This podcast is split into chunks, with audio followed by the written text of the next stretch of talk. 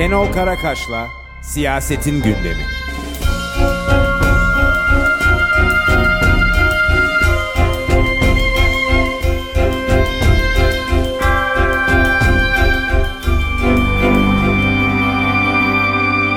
İyi haftalar arkadaşlar. Bir dizi önemli gündem var ama bunlara değinmeden önce e, HDP eski dönem milletvekili Aysel Tuğlu'nun e, çok ciddi sağlık sorunları var ve bütün e, doktorların cezaevinde kalamaz raporuna rağmen e, cezaevinde tutulmasına bir son vermek lazım ve Aysel Tuğlu'nun hemen özgürlüğüne kavuşması ve gerekli bir ortamda sağlık ihtiyaçlarının ve tedavisinin karşılanması gerekiyor. E, hasta tutsakları yönelik e, bu yaptırımların, buna benzeyen yaptırımların e, derhal sona erdirilmesi lazım. Elbette Karasal'dan sonra e, ekonominin gidişatı çok önemli. Fakat bu gidişat içerisinde iktidar e, kesimlerinden dile getirilen bir öneri, sistematik bir e, programmış gibi e, sunulan e, Çin modeli tartışmasını e, bir ölçüde yapmamızda fayda var.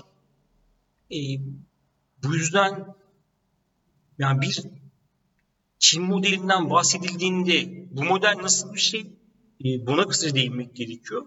İkincisi Türkiye'nin böyle bir modele e, yönlendirilmesi sistematik bir e, tartışmanın e, bu Çin modeli denilen e, ekonomik süreçle ilişkin altyapı ayarlamalarının bir ürünü mü? Yoksa bir uydurma mı? E, bunların altını çizmek lazım. Ama üçüncüsü her şeye rağmen e, bu önerilen Çin modelinin Türkiye sınıfı açısından e, aslında bütün toplum açısından ne anlama geldiğine e, bir ölçüde değinmemizde fayda var.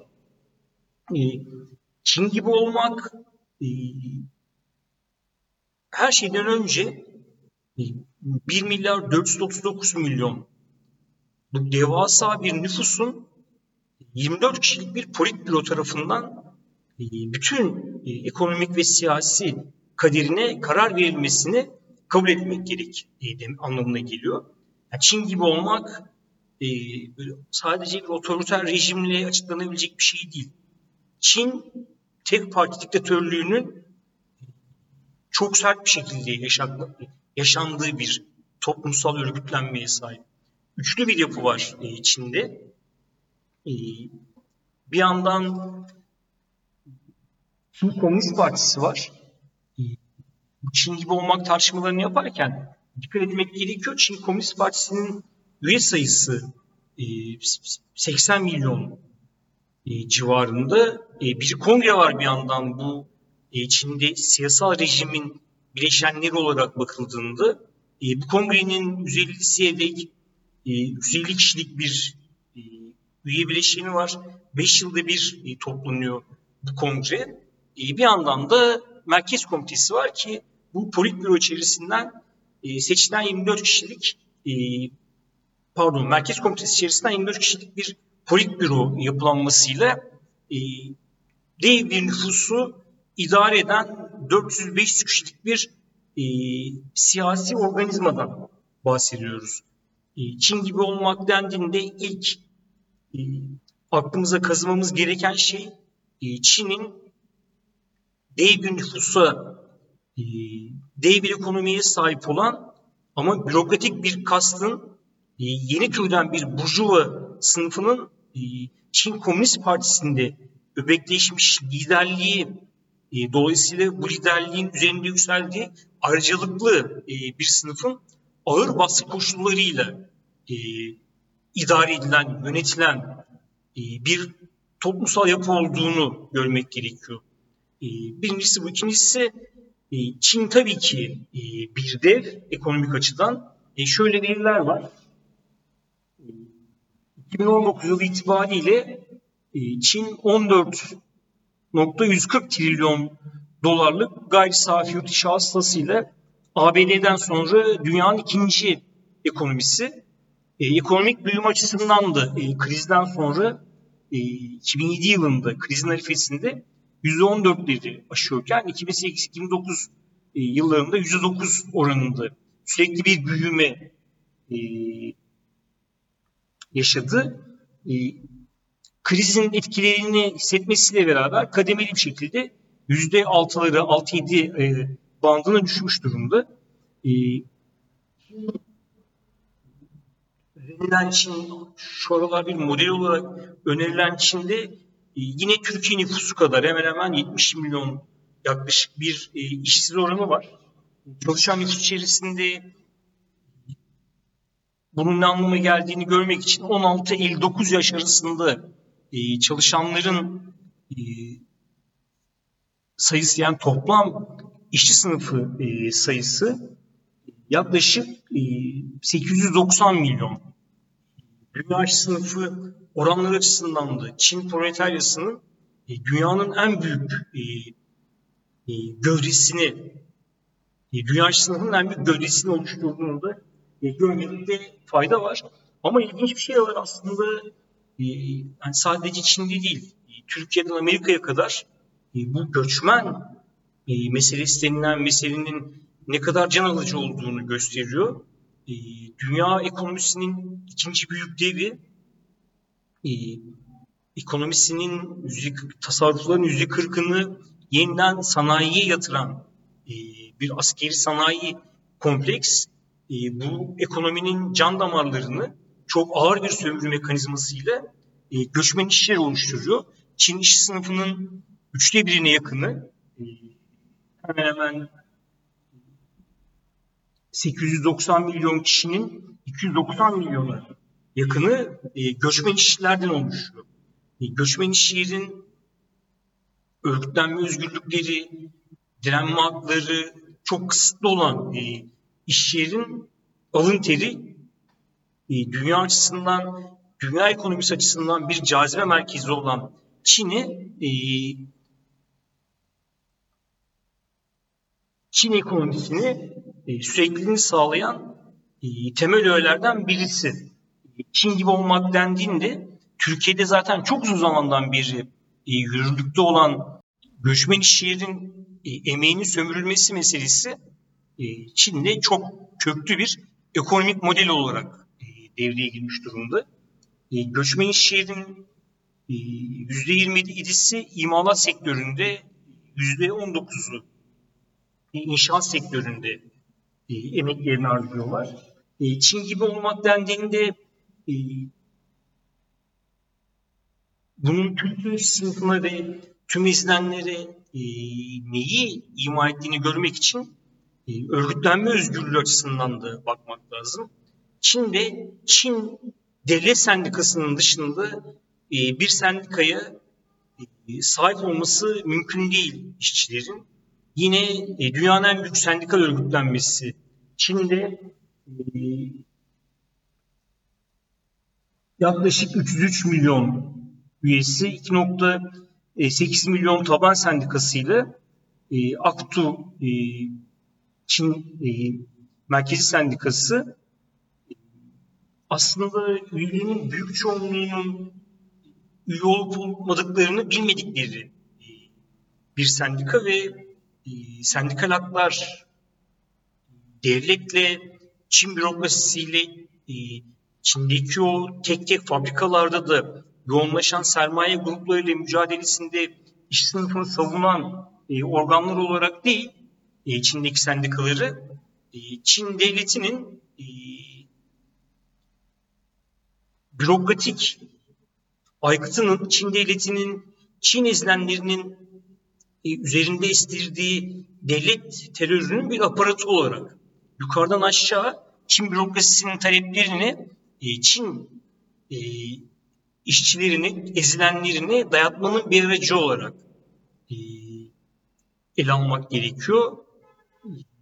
Türkiye'de yanlış sendikacılık diye tabir edilen e, sendikacılık modelinin bile e, Çin'deki sendikaları düşündüğümüzde e, yanında çok demokratik kaldığını fark etmemiz lazım. Hem tek bir sendika var hem de Çin Komünist Partisi'nin e, merkezi kadroların yukarıdan aşağı örgütlediği bir yapılanmadan bahsediyoruz. Zaten 1982 yılında e, dünyadaki o askeri darbeler ve neoliberal politikaların tırmanışa geçtiği dönemde bunun için yansıması e, anayasadan grev hakkının e, çıkartılması şeklinde oldu. E, zaten bir devlet komünistse yani iş sınıfının kendi devleti, devleti ise e, grev yapmaya da çok fazla ihtiyaç yoktur e, dendi. Ama bu Türkiye'de e, Karasalı'dan sonra e, Çin modelini önerenler e,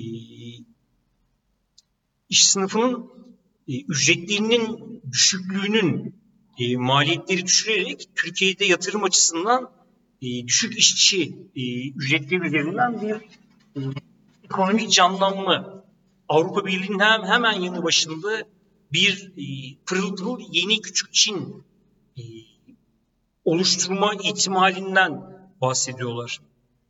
E, enteresan, yıllar önce Küçük Amerika'dan şimdi Küçük Çin'e dönüşmüş durumda. Bu da e, Çin açısından bir başarı. E, küresel hegemonik ilişkilerde tüm o e, emperyalist piramidin e, zirvelerinde olduğunu gösterir. Çin'in bölgesel güç iddiasında e, olma iddiasında bulunan e, rejimlerin e, Çin modelini e, kendileri örnek aldığını göstermek gerekirse. Ama bu Çin modeli denilen e, modelde e, asgari ücretler oldukça düşük. E, zaten bu modelin Türkiye'de önerilmesinin e, tam da bugünlerde asgari ücret zammının e, zammı konuşulurken e, bir yandan Çin modelinin devreye girmesi e, tesadüfi değil.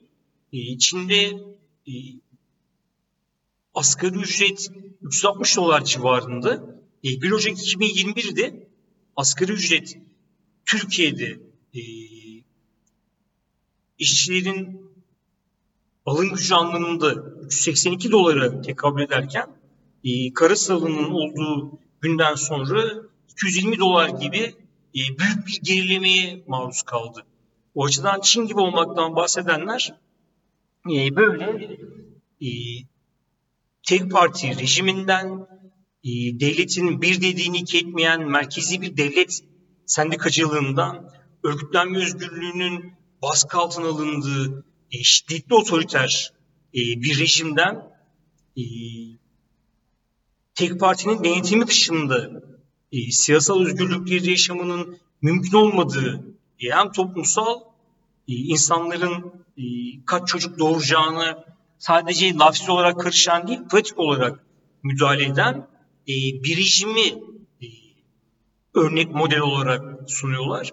E, bu rejimin e, bu devasa Çin nüfusun içerisinde e, Çinli olmayan ulusal azınlıkların e, ne kadar şiddetli bir baskı yaşadığı e, ortada. Çin modeli önerenler e, bunu görmezden geliyorlar bir yandan da. E, ama e, yani hiçbir hakkımız olmadan e, karın topluluğuna e, deliler gibi çalışıp e, bunun karşılığını alamadığımızda isyan etme, örgütlenme, e, gösteri yapma hakkımızın e, polis, asker, devletin bütün mekanizmaları tarafından baskı altına alındığı, e, bütün sendikaların, sendikal çoğulculuğun ortadan bütünüyle kaldırıldığı bir rejimin müjdesi Çin gibi olmak. Ama bir yandan da Çin'in dünyanın ikinci büyük ekonomik gücü olduğunda e, insanların hoşuna gidebilir. E, egemen sınıfların e, başarısı siyasal iktidarları aracılığıyla toplumun büyük ezilen emekçi çoğunluğuna hiçbir faydası olmayan bazı modelleri, simgeleri, verileri tüm toplumun çoğunluğuna çoğunluğunun faydasınaymış gibi yutturma yeteneğinde.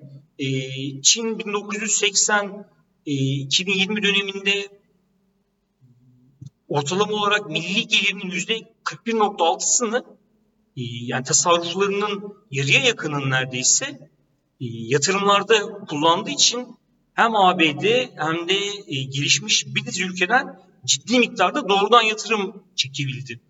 Bu, bu kaynaklarla sadece inşaat, sadece AVM'ler, sadece mega projeler yapmadı. Böyle yatırımlar yapmadı. Bu paralar e, iktisatçının dediği gibi Çin sabit sermaye yatırımlarının gayri safi milli hasılaya oranı yüzde 40 yaklaşık oranında gerçekleşti. Ee, bu Çin olma teorisinden bahsedenler bir yandan bu teorinin içerisinde ifade edilmeyen o baskı ezilenler üzerindeki şiddet, ağır çalışma koşulları, buna karşı örgütlenme özgürlüğünün kısıtlanmasından bahsetmedikleri gibi e, bu yanından da e, bahsetmiyorlar. E, Türkiye'de e, bu Çin modelinin bir uydurma olduğunu, e, Türkiye'de siyasi iktidarın peşinden koştuğu, tetiklediği, altından kalkamadığı ekonomik e, karmaşanın içerisinde uydurulmuş bir e, kavram olduğunu gösteren bir dizi veri var elbette elimizde. E, bunlardan birisi e, daha Eylül ayı içerisinde iktidar orta vadeli programdan bahsederken böyle bir model Çin modelinden bahsetmedi. İki ay önce Türkiye'nin orta vadeli programında Çin modeli yokken e, birdenbire Karasalı'dan sonra e, bir Çin modelinin üretilmesi öyle yeni bir modelle e, bu modeli uygun e, ekonomik krizi kontrol altına alabilecek bütün altyapı planlamalarının e, atıldığı bir sistematik planlamayla karşı karşı olmadığımızın altını çizmek gerekiyor.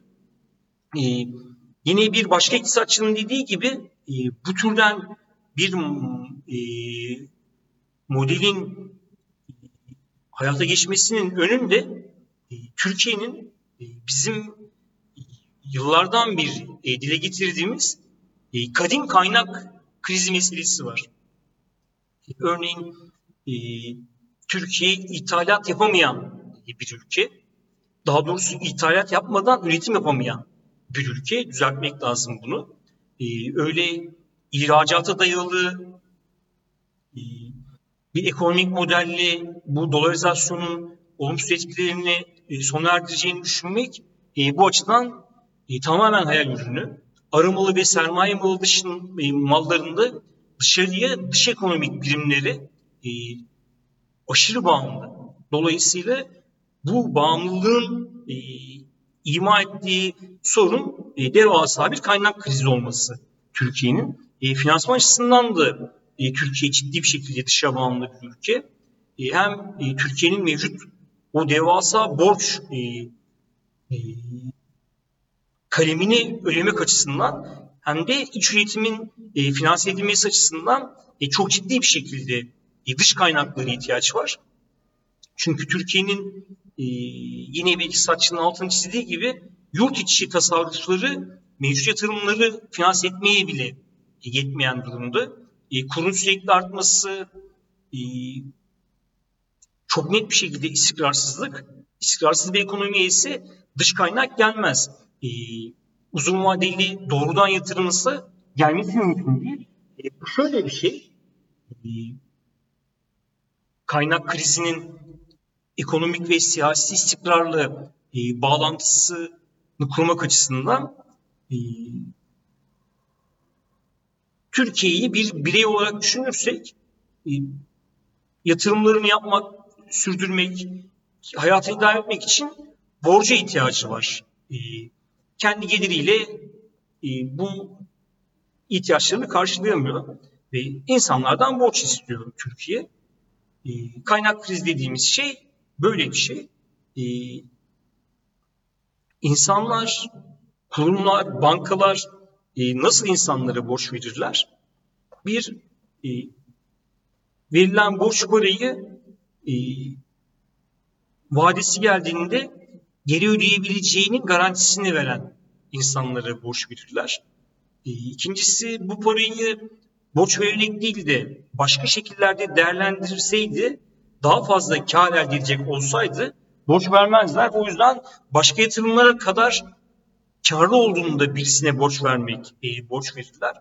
Üçüncüsü e, borç ver, verildiğinde e, bu borç alan şahıs bu parayla vur patlasın, çal oynasın, e, her gün bir yerlerde eğlenilsin. Yani borcu e, geri ödemek üzere çeşitli yapısal sorunlarını e, gidermek açısından adımlar atmak yerine e,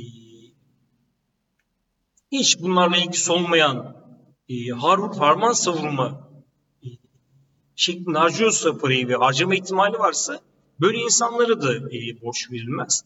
E, bir yandan da e, istikrarlı mı değil mi diye e, bakılır. E, bütün bunları e, bu kaynak krizinde borç veren kurumlar açısından bakıldığında e, bu yani kur istediği ele gitsin, bizi ilgilendirmez. E, tek bir kararnameyle istediğimiz adımları atarak bürokrasiyi azalttık. Dolayısıyla her şeyi hızlandıracağız e, gibi iddialar. E, bunların hiçbirisi e, kaynak transferi yapacak yani borç verecekler açısından istikrarlı bir ekonomiye, istikrarlı bir siyasi yapıya e, tekabül etmez. E, yılbaşında, bu yılın başında dış borç stoğunun TL karşılığı 3.2 trilyon lira. E, bugün 6.2 trilyon lira. Bu tamamen kurdaki istikrarsızlıktan kaynaklı. Bu istikrarsızlık e, Türkiye'nin kaynak krizini çözmek açısından Türkiye'yi bir ucuz emek e, cennetine çevirse de e, kaynakların Türkiye'yi e, geleceğinin e, garantisini sunmuyor. Çünkü bunun arkasında herkes devasa bir ekonomik ve siyasi istikrarsızlık olduğunu biliyor. E, bir başka veri de e, yani Türkiye'de insanlar böbürlenmeyi seviyorlar ama kaynak krizine ek olarak Türkiye'nin üretim ve teknoloji açısından, emek verimliliği açısından da e, geri bir ülke olduğunu, e, dolayısıyla ihracat yaparken e, dışarıya satacağı malları üretmesinin bir kapasitesi, bu malların üretiminin bir kalite sınırı olduğunu da e, görmek gerekiyor. O yüzden Çin modeli gibi bir modeli tartışırken Türkiye ekonomisinin gerçeklerini özellikle Türkiye'de üretim, üretim süreçlerindeki e, sanayileşmiş ülkelerin çoğuna göre çok daha e, verimliliğin düşük olmasına neden olan e, etkenler e, Türkiye'nin böyle bir çırpıda e, küçük Çin'e dönüşmesinin önündeki engeller. Zaten e, e, iktidarın Çin modeli dediği modelin asli yanını bunlar yani iktidarın tasarrufların ya da kaynakların yüzde 50'ye varan yanını üretime aktarması gibi e, hedefler oluşturmuyor. E, toplumun büyük çoğunluğunun fakirleştirilmesi üzerinden e, bir ekonomik canlanma e, yaratmak ve bu canlanma ile beraber e, 2023'te olacağı düşünülen e, seçilmeye gitmek oluşturuyor.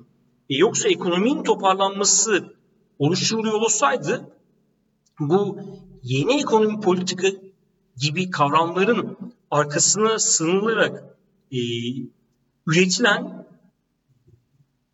ekonomik adımların, verilen politik kararların maliyetinin e, inanılmaz derecede ağır olduğunu görmek mümkün olurdu.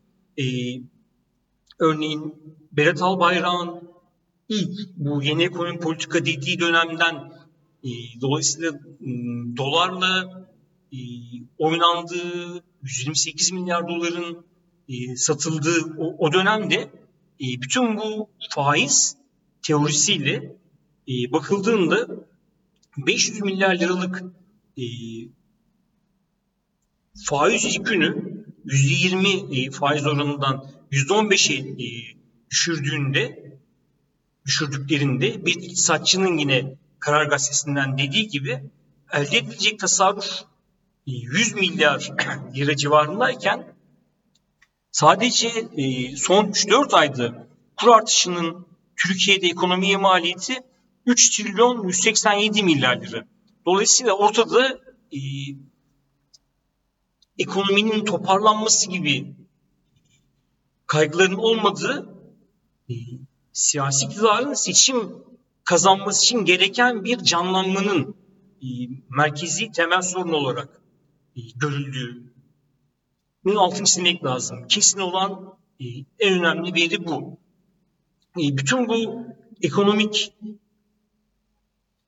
kaotik bir günün bir günü tutmadığı hem bir yandan en büyük ekonomik ortakları Türkiye'nin Avrupa Birliği'nin hemen yanı başında bir küçük Çin yaratmak gibi önerilerin geldiği hem iki yıl boyunca e, dolar karşısında Türk lirasını değerli tutmak için dolarizasyonu baskı altına almak için Merkez Bankası'nın dolarlarını satıldığı ama son iki üç ayda da e, doların canı nasıl istiyorsa öyle e, zirveye fırlasın dendiği yani çelişkili e, ekonomik önerilerin sanki bir yeni ekonomi politikaymış gibi e, gündeme getirilmesinin arkasında elbette e, TÜSİAD'da Türkiye'nin en çok e, ihracat yapan sermaye gruplarının e, arasında olduğu e, çeşitli patronların çok büyük karlar elde ettiği, e, yandaş sermaye gruplarının çok büyük karlar ettiği ortada ama bütün bu karların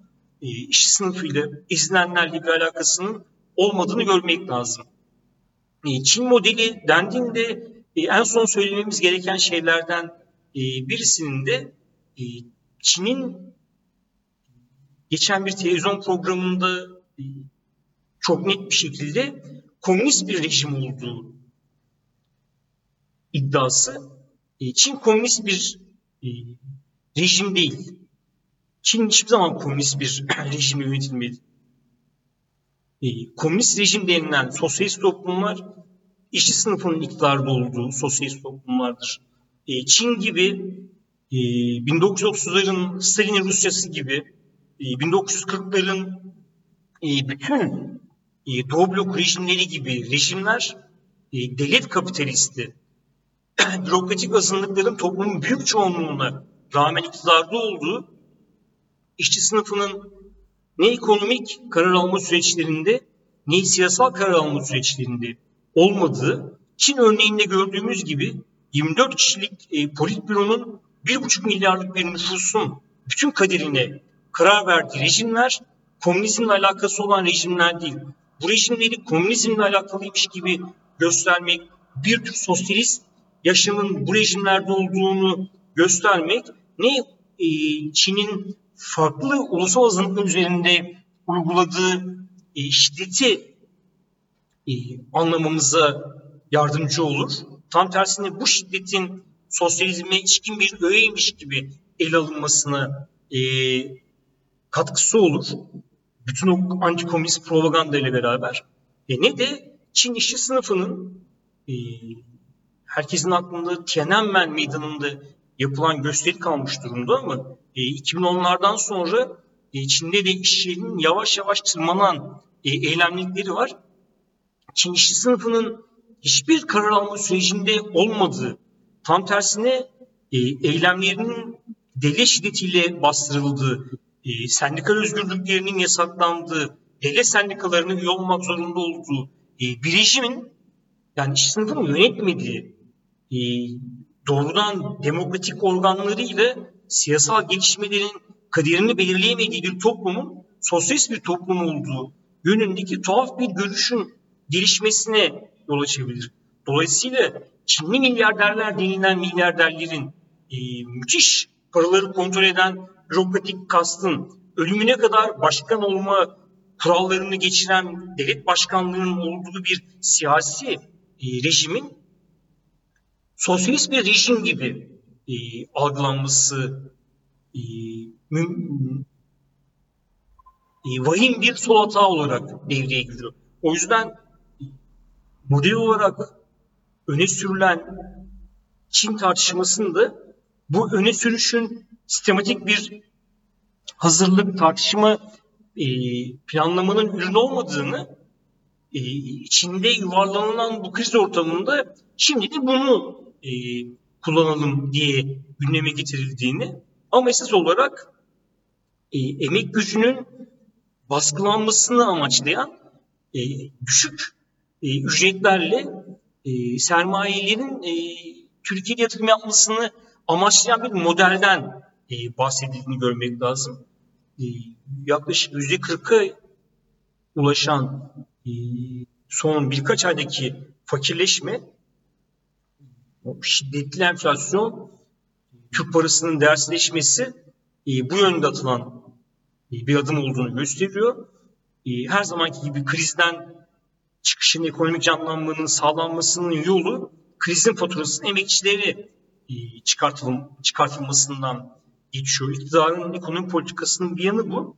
Ama bir yandan da Çin modelinden bahsedildiğinde Çin'de e, hüküm süren rejimin bürokratik devlet kapitalisti e, bürokratik bir kastın 80-90 milyonluk bir e, Çin Komünist Partisi'nde örgütlenmiş e, yeni türden burjuvaların küresel sermaye ile içi dışta olan e, burjuvaların e, Çin toplumunun büyük çoğunluğunu e, yaklaşık 900 milyonluk 900 milyonluk Çin işçi sınıfının sömürülmesi, ezilmesi pahasına e, hakim kıldığını görmek lazım. Bunun sosyalizmle e, bir alakası olamaz. Çin modeli bir kapitalist modeldir. Türkiye e, kapitalizmi e, bu Çin modelinden bahsederken çok daha otoriterleşmiş, tek partiye dayalı bir şiddet, iş sınıf ezilenlerin üzerindeki şiddet mekanizmasına dayalı bir e, fakirleşmeyi öne sürmektedir. Haftaya görüşmek üzere. Teşekkürler.